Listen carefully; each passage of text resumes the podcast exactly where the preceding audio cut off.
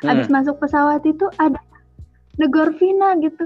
Vina, Vina kayak yang uh, siapa ya gitu terus kayak ternyata dia itu adalah peserta Global Grad juga kak.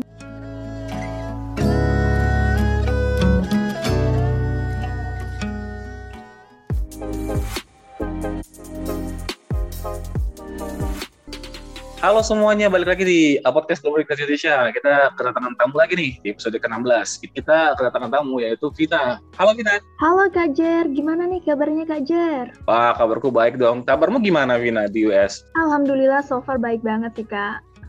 Wah, Nah, nah Vina, jadi gini kan kebetulan kamu baru nih, mungkin kamu bisa uh, jelasin singkat tentang profil dirimu? Bener banget, boleh dong Kak. Um, nama aku Vina dan asal aku dari Lampung Barat, Provinsi Lampung. Terus kampus asal aku juga dari Universitas Teknokrat Indonesia, jurusan Pendidikan Bahasa Inggris. Di Universitas uh, di US, University of Central Missouri, aku ambil jurusan English dan menurut aku nggak terlalu beda jauh, cuma bedanya adalah kalau di Indonesia aku lebih ke pendidikan, kalau di US aku nggak terlalu ke pendidikan, enggak juga terlalu ke sastra. Jadi netral gitu, Kak. Wow, keren, keren, keren. Nah, kita ke pertanyaan pertama ya, Vina. Jadi, Vina, kamu tahu program Global Ukraine dari mana? Awalnya itu tahun 2020, bulan Desember, Kak. Karena itu kan lagi pandemi dan lagi liburan juga. Jadi mm -hmm. saat itu aku cari informasi beasiswa tuh di Google awalnya. Jadi kayak pengen banget ikut pertukaran mahasiswa, cuma pada saat itu kebanyakan program ditutup. Jadi menurut Vina kan kalau tahun 2021 pasti ada lah program yang dibuka, Kak. Apalagi kalau bulan 1 sampai bulan 5 itu biasanya banyak banget program yang buka. Nah, kebetulan juga karena Vina udah ngerasa kayak Vina cukup mampu untuk daftar di tahun itu, akhirnya Vina cari informasi dan ketemulah beasiswa Global Youth di Google. Wah, keren-keren. Nah, kan kamu nyari informasinya di Google nih. Dan untuk program Global, Yugra sendiri itu ada beberapa persyaratan uh, yang harus disubmit gitu kan ya. Nah, um, salah satunya itu ada TOEFL. Nah, Global Yugra sendiri itu membutuhkan nilai 500. Nah, itu untuk kasusmu sendiri, Vina, kamu apakah sudah pernah mengambil TOEFL sebelumnya?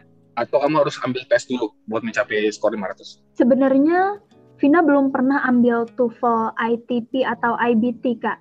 Jadi Vina baru coba untuk ambil TOEFL IPT. Nah, tapi pada saat itu TOEFL IPT Vina itu belum sampai 500. Jadi Vina agak keberatan sebenarnya, agak berat banget untuk di bagian TOEFL. Jadi selama proses dokumen itu Vina mulai belajar TOEFL juga terus juga baru ambil.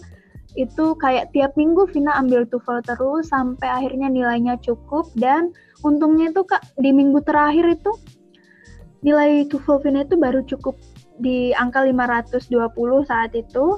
Dan alhamdulillahnya karena nilainya cukup jadi Vina bisa daftar sih Kak. Wah, beruntung banget. Tapi dengan uh, proses cukup lama ya, Vina ya? Bener banget, Kak. Prosesnya yang menurut Vina tuh bukan cuma tantangan aja, tapi juga kayak kesempatan besar untuk Vina lebih menggali bagaimana kita mengerjakan TOEFL itu sendiri, Kak. Baik, baik. Nah, untuk kamu sendiri TOEFL yang kamu gunakan ITP Prediction ya? Iya, TOEFL Preparation, Kak. Baik, baik. Karena lebih murah ya, kan kamu juga sudah cerita di awal kamu mencoba banyak tuh. Uh, itu mungkin penting juga buat para pendengar yang lagi mendaftar. Jadi kalau uh, untuk program Global juga sendiri menerima prediction, jadi bisa lebih murah ya untuk uh, mengambil tes ya. Iya, uh, benar banget kak. Yep. Terus juga kalau misalnya TOEFL yang prediction itu lebih cepat keluar nilainya. Kalau TOEFL yang ITP atau IBT itu kita harus nunggu beberapa minggu dulu baru bisa keluar dan kayaknya kalau kita menunggu TOEFL yang ITP atau IBT masa pendaftarannya itu udah selesai kak. Jadi kayak nggak ada waktu lagi untuk ambil TOEFL ITP atau IBT. Jadi buat teman-teman menurut Vina prediction lebih uh, bagus sih kak untuk tahap awal dokumen karena nanti kan kalau lolos dari tahap wawancara ada juga TOEFL IBT dari Aminef dan Global Ugrad sendiri. Iya, iya, iya, benar. Nah, itu tadi satu item yaitu TOEFL. Nah, ada item lagi persyaratannya, yaitu esai. Ada dua esai nih. Nah, untuk uh, kasus Vina itu bisa ceritain uh, gimana prosesnya kamu mengerjakan men menulis dua esai ini? Jadi Vina tuh belum pernah nulis esai untuk khusus beasiswa kayak gini kak. Jadi itu adalah pengalaman pertama yang buat Vina ngerasa kayak wah ini tantangan banget sih buat Vina. Esai pertama Vina tulis itu tentang diri Vina sendiri, jadi kayak personal statementnya, terus juga kenapa Vina pengen banget keterima dan juga kenapa Vina berhak menerima beasiswa ini. Terus yang kedua itu tentang Vina kan ada dua tema. Vina ambil yang bagian kepemimpinan. Jadi yang pertama itu problem solvingnya dan yang kedua kepemimpinan. Jadi Vina ambil yang kepemimpinan. Kemarin Vina minta tolong sama beberapa dosen, beberapa alumni-alumni dari Global Yoga sendiri juga, dan juga ada beberapa alumni dari program-program exchange lainnya. Jadi kayak menurut Vina, Vina jadi bukan hanya punya pengalaman baru di bidang esai, tapi juga membangun relasi dengan banyak orang, Kak. Termasuk Kak Jar sendiri. Thank you so much, Kak Jar. Wah, keren banget. Nah, dari proses itu berarti yang ditekankan, kamu banyak pasti banyak revisi di situ ya, Vina ya? Jadi Vina mulai revisi itu um, awalnya itu kayak mulai buat draft-draft dulu, terus juga share ke dosen, terus dosen kasih feedback, terus Vina mulai share juga ke alumni-alumni. Dan prosesnya itu buat esai itu dua bulan untuk dua esai itu. Jadi kayak tiap malam sebelum tidur itu biasanya Vina revisi, terus juga Vina mikir ide-ide baru apa yang akan Vina taruh di esai itu Terus besoknya Vina cari-cari informasi lagi, terus juga kayak tanya-tanya kira-kira apa sih yang bikin esai itu spesial gitu. Nah, salah satunya adalah pembukanya. Jadi kayak baris pertama itu benar-benar membuka apa yang akan kita dapatkan nanti. Jadi menurut Vina Kak Jer kalau kita buka um, esai-esai atau baca esai-esai dari penerima beasiswa itu pasti ada salah satu esai bagian yang pertama itu membuka kayak ada nilai lebihnya, nilai spesial daripada esai-esai lainnya. Jadi mereka akan baca sampai akhir, akan tertarik dengan kita dan menurut Vina itu adalah salah satu tantangan terbesar untuk kita gimana caranya bagian pertama itu benar-benar menarik pembaca untuk baca esai kita. Wah, keren banget. Nah, itu tips yang baik juga buat para pendengar yang mungkin uh, sekarang lagi on proses untuk uh, menulis esai yang mungkin mau mendaftar di akhir tahun ini untuk Global Yugradnya. Um, tadi itu esai. Di persyaratan Global Yugrat juga ada surat rekomendasi, yaitu ada dua surat rekomendasi. Nah, untuk di kasusmu sendiri, Vina, um, surat rekomendasi ini kamu dapat dari siapa dan kenapa? Vina pertama dapat dari wakil rektor di Universitas Vina, yang kedua dari kayak pembina organisasi gitu sih kak. Jadi Vina pilih yang pertama karena beliau wakil rektor dan juga Vina cukup dekat dengan beliau. Kemudian juga beliau sudah berpengalaman dalam memberikan surat rekomendasi. Kemudian juga yang kedua Vina minta dari pembina TEC, jadi Technocrat English Club. Jadi Vina di teknokrat tergabung dalam organisasi English Club dan kebetulan beliau sangat mendukung mahasiswa-mahasiswanya untuk terjun langsung ke dunia pendidikan termasuk pertukaran mahasiswa dan beliau juga pernah mengikuti pertukaran mahasiswa ke Jepang. Jadi menurut Vina beliau adalah orang yang tepat untuk memberikan surat rekomendasi dan menurut Vina Kak yang paling penting adalah kita mengenal dosen tersebut dan dosen tersebut mengenal kita. Jadi lebih mudah komunikasi, lebih mudah dalam membuat surat rekomendasi juga Kak. Yap, yap, ya benar banget Vina. Karena saat meminta surat rekomendasi itu harus ada approach-nya ya. Gak bisa langsung tiba-tiba, uh, Pak, Bu, saya minta surat rekomendasi gitu ya. Iya, benar banget Kak. Baik, baik. Itu um, persyaratan yang sudah kamu kumpulkan, dan kamu siapin, dan kamu submit di online submission. Nah, sebelum ke tahapan selanjutnya, yaitu uh, online interview. Kan kita, kan kamu posisinya nggak tahu nih kamu keterima. Pada saat itu, kamu nyangka nggak bakal di email balik kamu nyangka gak? untuk uh, video interview? Sebenarnya Vina nggak nyangka sih kak. Jadi pada saat itu karena Vina merasa bahwa kayaknya ini adalah tahun percobaan, kemudian tahun selanjutnya Vina akan coba lagi. Menurut Vina akan seperti itu.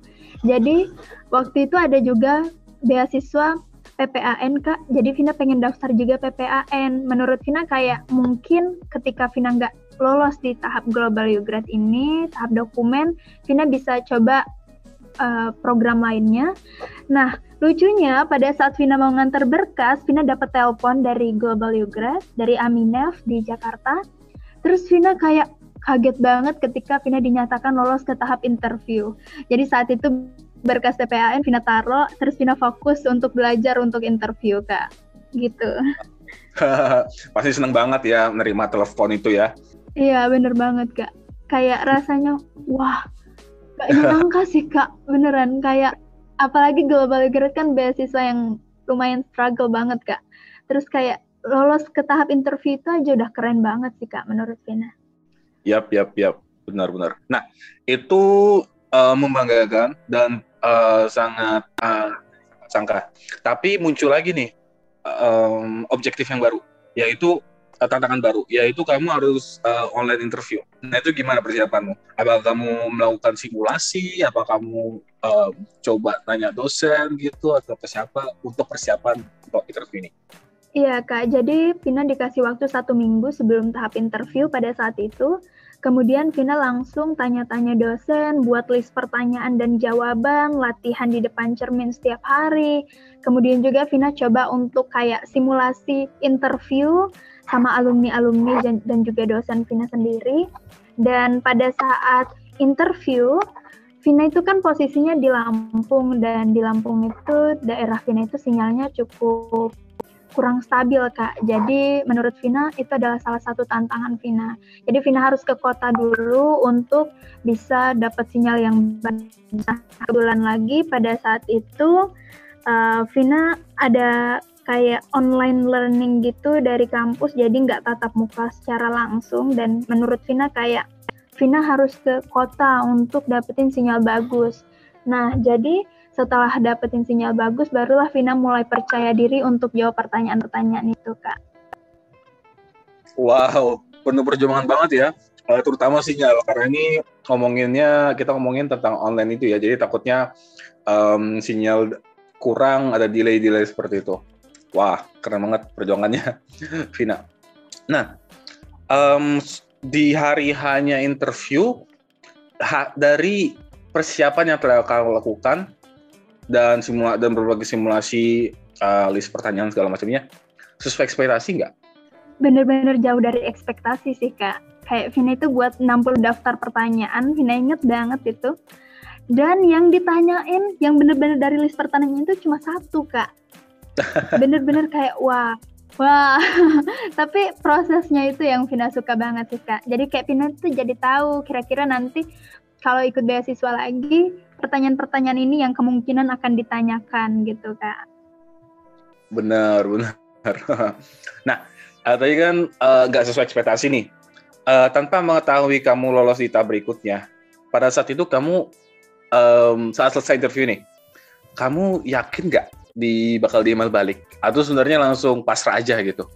Sebenarnya Vina cukup yakin dari tahap interview kak, karena saat itu Vina jawabnya percaya diri dan juga menurut Vina jawaban Vina adalah jawaban yang memuaskan karena melihat dari kayak ekspresi jurinya juga dari interviewer dan juga um, dari pihak-pihak Aminefnya. Jadi menurut Vina kayak kayaknya ada kesempatan lebih besar untuk lolos ke tahap selanjutnya kak. Wah keren keren keren. Nah Nah, akhirnya kamu keterima, lanjut ke tahap berikutnya. Saat pertama kali dapat email, kamu gimana gimana perasaannya? Waktu dapat email itu kayak kaget banget sih, Kak. Kayak Pina tuh tiap hari refresh email terus kayak cek email, buka lagi, buka lagi. Kayak bener-bener wah kapan nih pengumumannya gitu. Begitu pengumuman tuh kayak wah, wah kayak wah speechless banget sih, Kak. Abis itu kayak langsung aja pokoknya Vina harus belajar TOEFL sebelum pengumuman. Karena kayak menurut Vina karena TOEFL IBT kan susah ya kak. Dan itu tantangan baru buat Vina. Karena Vina belum pernah ikut TOEFL IBT dan setelah Vina tahu TOEFL IBT sesulit itu jadi kayak wah Vina harus belajar banget nih dari tahap interview kemarin. Yap, yap, yap, benar banget Vina. Uh, nah, uh, tadi kamu sudah selesai tahap interview um, dan, dan tahap berikutnya, tapi akhirnya kamu jadi finalis.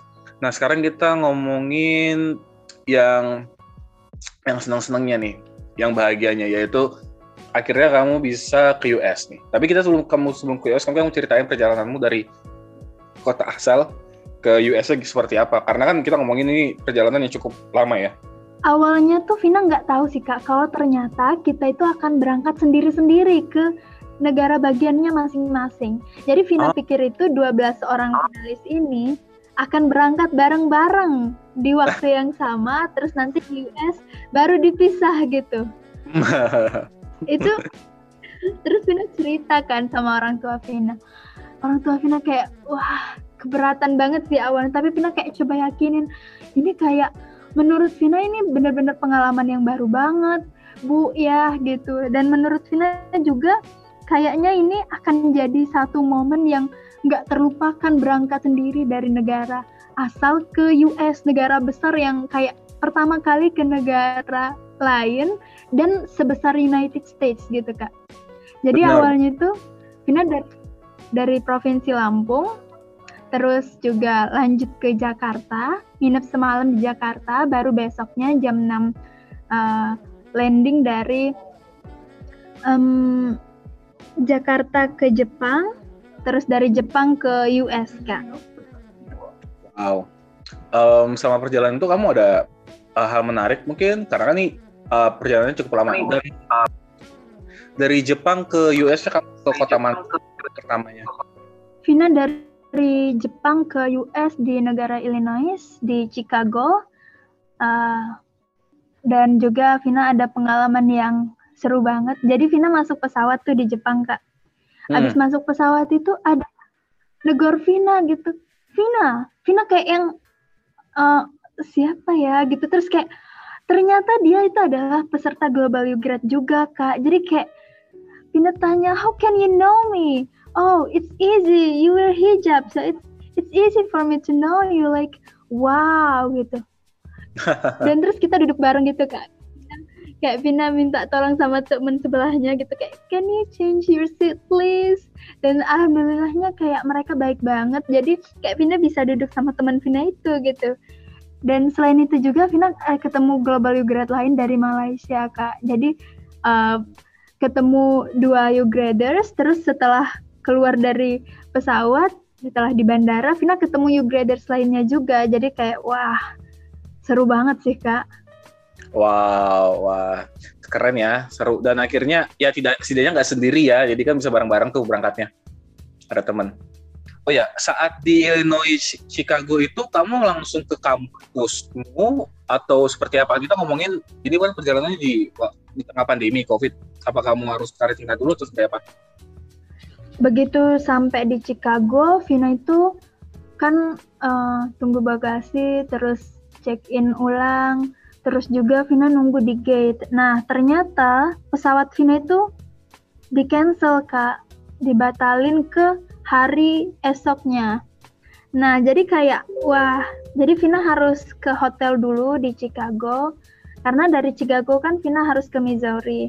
Nah, setelah di hotel, besoknya Vina datang lagi tuh ke bandara pagi-pagi. Ternyata pesawat Vina dibatalin lagi. Itu benar-benar kayak wah, dua kali dibatalin gitu.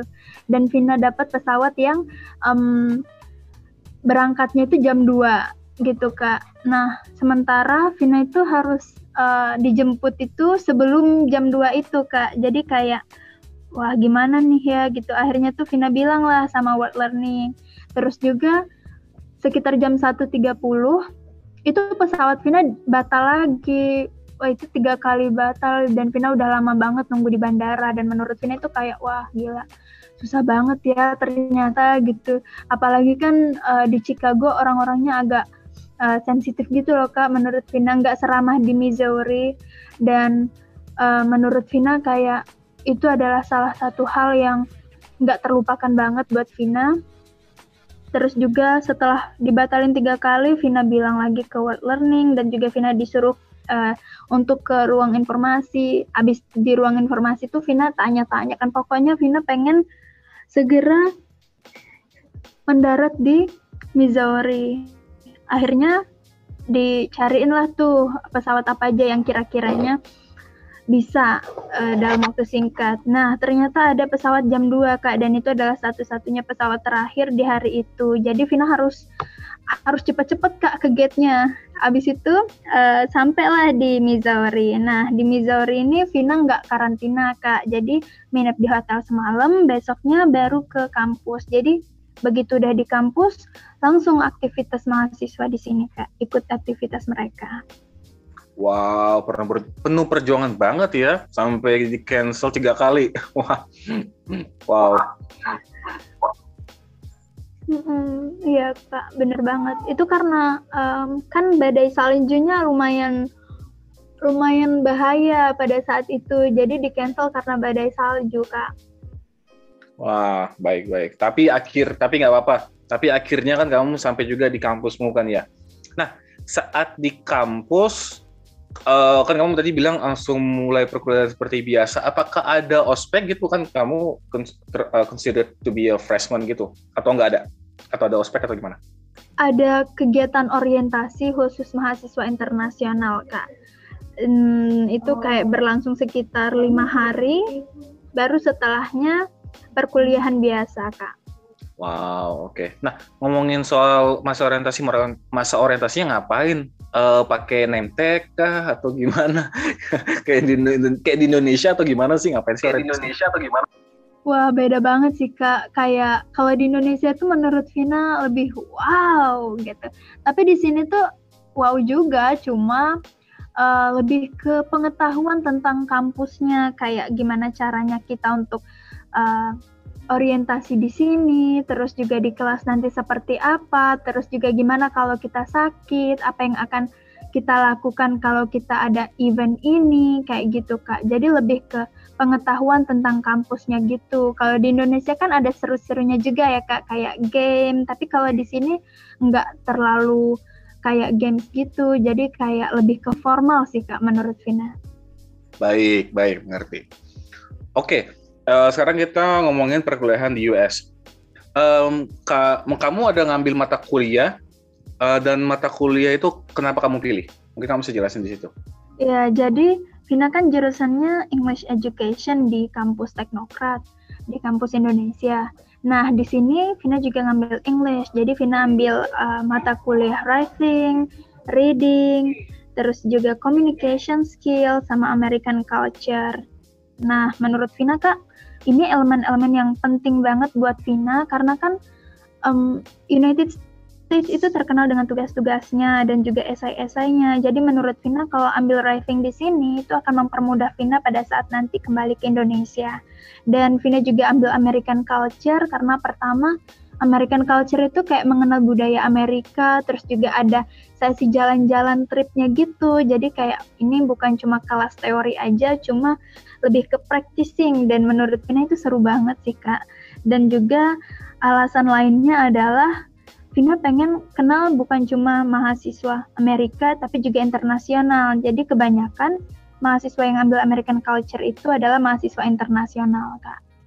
Wah keren keren keren. Nah, dengan mata kuliah yang kamu ambil tadi itu, uh, mungkin kamu bisa jelasin uh, sehektik apa kalau misalnya dibandingkan dengan kampusmu di Indonesia? Apakah cukup berbeda atau sama aja?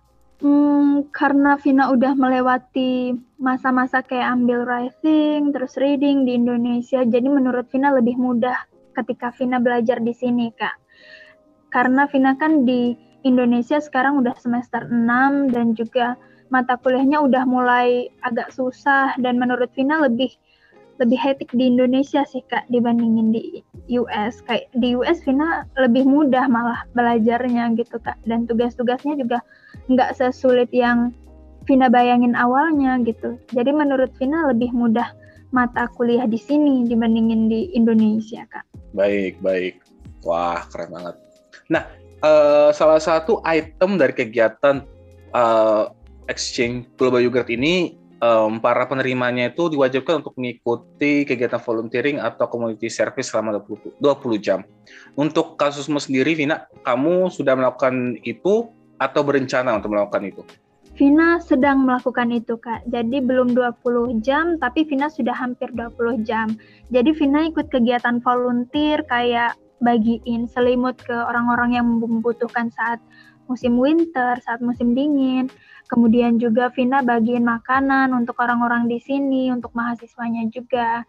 Terus juga ada kegiatan-kegiatan volunteer lainnya kayak cara organisasi event, terus juga ikut kegiatan di backstage. Jadi menurut Vina kayak kegiatan volunteer adalah salah satu kegiatan unggulan dari Global Yugra sendiri untuk buat penerima beasiswanya itu lebih aktif lagi dan lebih peduli dengan lingkungan, Kak. Wow. Dan dengan requirement 20 jam tadi itu menurutmu itu bukan suatu burden ya? Dan bahkan kamu bisa lebih ya? Iya, benar banget, Kak. Karena banyak banget kegiatan yang membutuhkan mahasiswa di sini, Kak. Jadi menurut Vina itu nggak terlalu susah untuk kita ikut kegiatan volunteer 20 jam. Wah, keren-keren. Nah, um, dari semua kegiatan yang kamu lakukan di program Global Yogurt ini, uh, apakah kamu punya harapan yang mungkin ingin kamu capai secara pribadi setelah kamu melakukan program Global Yogurt ini? Iya Kak, jadi Vina harap nanti setelah pulang dari US, Vina juga bisa membagikan pengalaman Vina ke teman-teman di Indonesia.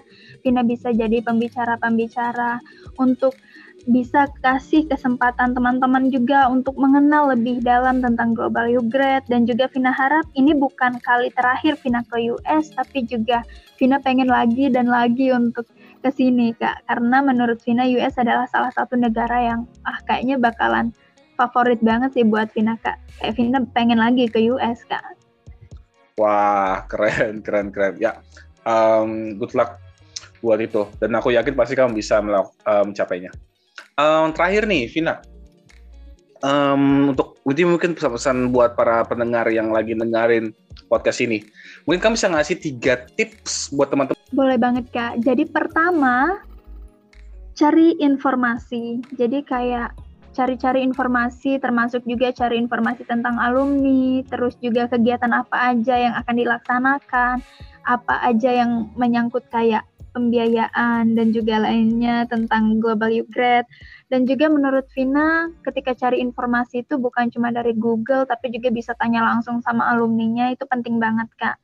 Yang kedua adalah jangan malas untuk revisi karena revisi adalah salah satu hal yang paling penting ketika kita mendaftar program apa pun itu. Ketika kita mulai malas revisi ini nanti akan lupa nih ide-idenya. Tapi kalau kita nggak malas revisi, kita revisi terus gitu Kak itu akan lebih mudah kita untuk kasih ide-ide baru di tulisan esai kita. Yang ketiga adalah percaya diri. Jangan pernah takut untuk mencoba, karena kalau kita coba, kita punya dua kesempatan, gagal atau berhasil. Tapi kalau kita nggak pernah coba, kita punya satu kesempatan, gagal. Jadi menurut Vina, tiga tips itu adalah tiga tips utama untuk teman-teman yang lagi daftar ataupun mau daftar Global Grad. Wah, keren banget Vina. Wah, thank you banget. Itu tadi tiga tips yang sangat menarik banget. Dan semoga buat para pendengar, teman-teman yang dengerin ini, uh, menambahi motivasi kalian ya. Dan juga untuk reminder buat teman-teman semua yang lagi mendengarin, program Global Yogurt selalu hadir di setiap selalu ada di setiap tahun. Biasanya pendaftarannya di akhir tahun, yaitu di bulan November dan Desember. Untuk informasi lengkapnya, teman-teman bisa visit aminef.or.id atau di Instagramnya di Fulbright Indonesia. Di situ semua informasi, semua informasi uh, detail tentang berkas-berkas yang harus harus diupload uh, ada di situ lengkap dan juga online submission juga ada di situ. Seperti itu. Nah, uh, tiga tips tadi juga mengakhiri uh, episode kali ini, episode kita dengan Kak Vina uh, tentang cerita inspiratifnya uh, saat dia uh, yang lagi melaksanakan program Global Yogurt ini. Uh, buat teman-teman jangan lupa selalu follow podcast ini karena podcast ini bakal nampilin banyak tamu lagi karena di batch Chefina itu ada sekitar 12 orang. Jadi bakal ada 12 cerita yang menarik. Ya sama-sama menariknya, sama-sama penuh drama dan sama-sama menginspirasi tentunya. Uh, itu saja um, dari aku sebagai host dan dan juga dari Vina. Vina thank you yang udah mau nyempatin buat uh, ngisi podcast ini. Uh, good luck buat semua teman-teman yang uh, mau mencoba program Global Growth ini. See you guys next episode. Bye. See you guys. Bye. Bye.